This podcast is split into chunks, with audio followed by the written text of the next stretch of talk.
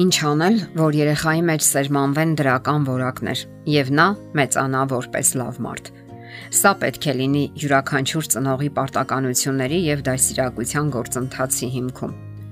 Այսպիսի պատմություն են պատմում։ Մի հայր լսում է, թե ինչպես է իր որդին աղոթքով դիմում Աստծուն։ Տեր Աստված, խնդրում եմ, օգնիր ինձ դառնալու այնպիսի լավ մարդ, ինչպիսին իմ հայրն է։ Հուզված հայրը հենց այդ գիշեր աղոթքով դիմում է Աստծուն։ Տեր, օգնիր ինձ դառնալու այնպիսի մարդ, ինչպիսին ցանկանում է ինձ տեսնել իմ զավակը։ Տրամաբանական հարց է։ Իսկ ո՞րն է լավ մարդը։ Ինչպես դա բացատրել զավակներին։ Բացատրություններն անհրաժեշտ են, սակայն դասիրակության ամենակարևոր սկզբունքներից մեկը անznական օրինակն է, որ ունենանք ինքներս դրական որակներ։ Մենք ինքներս պետք է այդպեսին լինենք։ Մեր կյանքով պետք է ցույց տանք լավ մարդու օրինակը, որի մեջ գերակշռում են դրական որակները։ Որքան էլ հասարակության մեջ գոյություն ունենան հակասական, երբեմն նույնիսկ տարօրինակ պատկերացումներ դրականի մասին, չափանիշները բոլոր դարերում մնում են նույնը։ Ամենից առաջ ասենք, որ դրական որակներ ունեցող մարդը դա կատարյալ մարդը չէ որովհետև կատարյալ մարդիկ չեն լինում։ Պարզապես կան բաներ, որոնք հարկավոր է սովորեցնել զավակներին եւ ժամանակ առ ժամանակ հիշեցնել այդ մասին, որովհետև մեծահասակներն իրենք էլ ունեն սովորելու կարիք։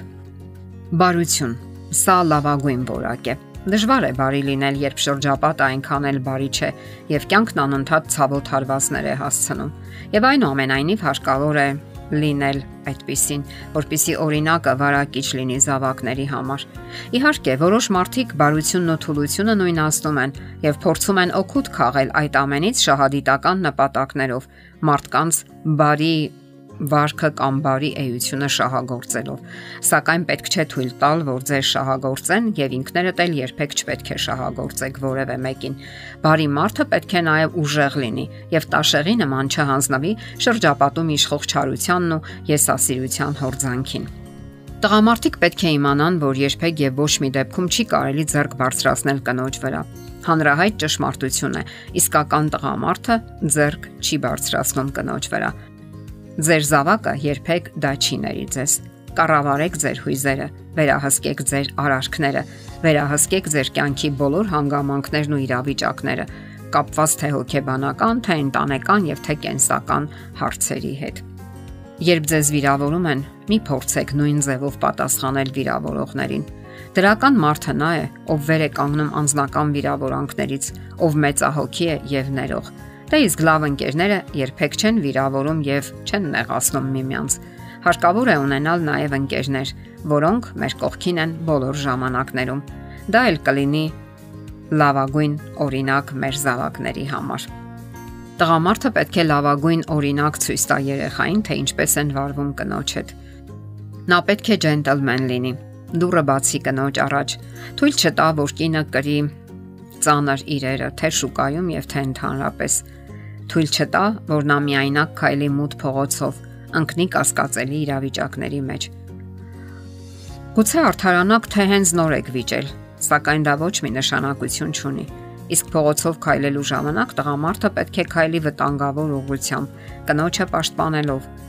ինչպես նաև երեխաներին ու ծերերին։ Այսօր մենք վտանգավոր եւ տարօրինակ ժամանակներում ենք ապրում։ Հարկավոր է մտածել բարոյականության մասին երբեք չդավաճանել։ Որքան էլ չսիրեք ձեր կնոջը, լարված ու բարդ հարաբերություններ ունենաք նրա հետ, դավաճանությունը լավագույն ելքը չէ։ Բարոյականությունը բոլորովին էլ հնացած ու դասագրքային հասկացություն չէ։ Հետևեք ձեր մտքերին, աչքերին ու արարքներին։ Նաև հիշեք, որ այսօր մենք ապրում ենք մի դարաշրջանում, երբ բոլորն ունեն նկարելու հնարավորություններով օժտված հեռախոսներ, իսկ անհամեմատ ավելի լավ կլինի հիշել, որ Աստված է միշտ հետևում մեզ, թեև այսօր շատերի համար դա բոլորովին էլ վախենալու պատճառ չէ։ Հայրերն ու մայրերը պետք է հիշեն, որ ժամանակ տրամադրեն երեխաների հետ խաղալու։ Դրա համար մեծ հմտություն պետք չէ, պարզապես ցանկություն է պետք։ Այլապես հետագայում շատ կզղճակ դրա համար, քանի որ երեխաները մեծանում են։ Նայեք ձեր երեխաներին։ Նա նստել է հեռուստացույցի առջև, դեմքը կորած է շոկոլադի մեջ Դա այն հրաշքն է, որ միայն կարելի է պատկերացնել։ Ոչ թե բղավեք, անիծեք ձեր բախտը, այլ հասկացեք նրան, եւ նա հենց այդ վիճակում ցանկանում է խաղալ ձեզ հետ։ Մի մերժեք նրան։ Խաղացեք այն, ինչ կարող եք։ Հորինեք, ստեղծագործեք։ Իսկ եթե չեք կարողանում, ուրեմն հորինեք, ստեղծագործեք ինչ որ հնարավոր է։ Իսկ ինչ էիք մտածում, երբ ամուսնանում էիք։ Այս պահին նա նստել է փոքրիկ սեղանի առջև եւ նկարում է։ Սակայն միշտ այդպես չի լինելու։ Նա մեծանալու է, նա պետք է հասունանա եւ արդեն դուք եք խնդրելու, որ ժամանակ գտնի ձեզ հետ զբաղվելու համար։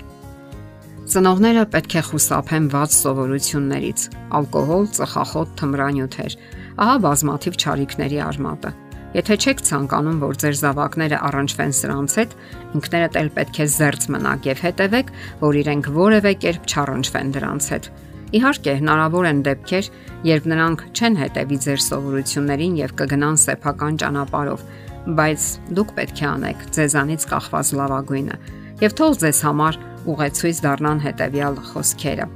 Ձեր ազատ ժամանակի մի մասը նվիրաբերեք երեխաներին, ձգտեք ավելի լավ հասկանալ նրանց, զբաղվեք նրանց հետ աշխատանքով եւ սպորտով, ձեռք բերեք նրանց վստահությունը,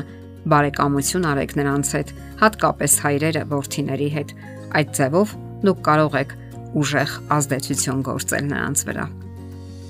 Եթերում ընտանիք հաղորդաշարներ։ Հարցերի եւ առաջարկությունների համար զանգահարել 033 87 87 87 հեռախոսահամարով։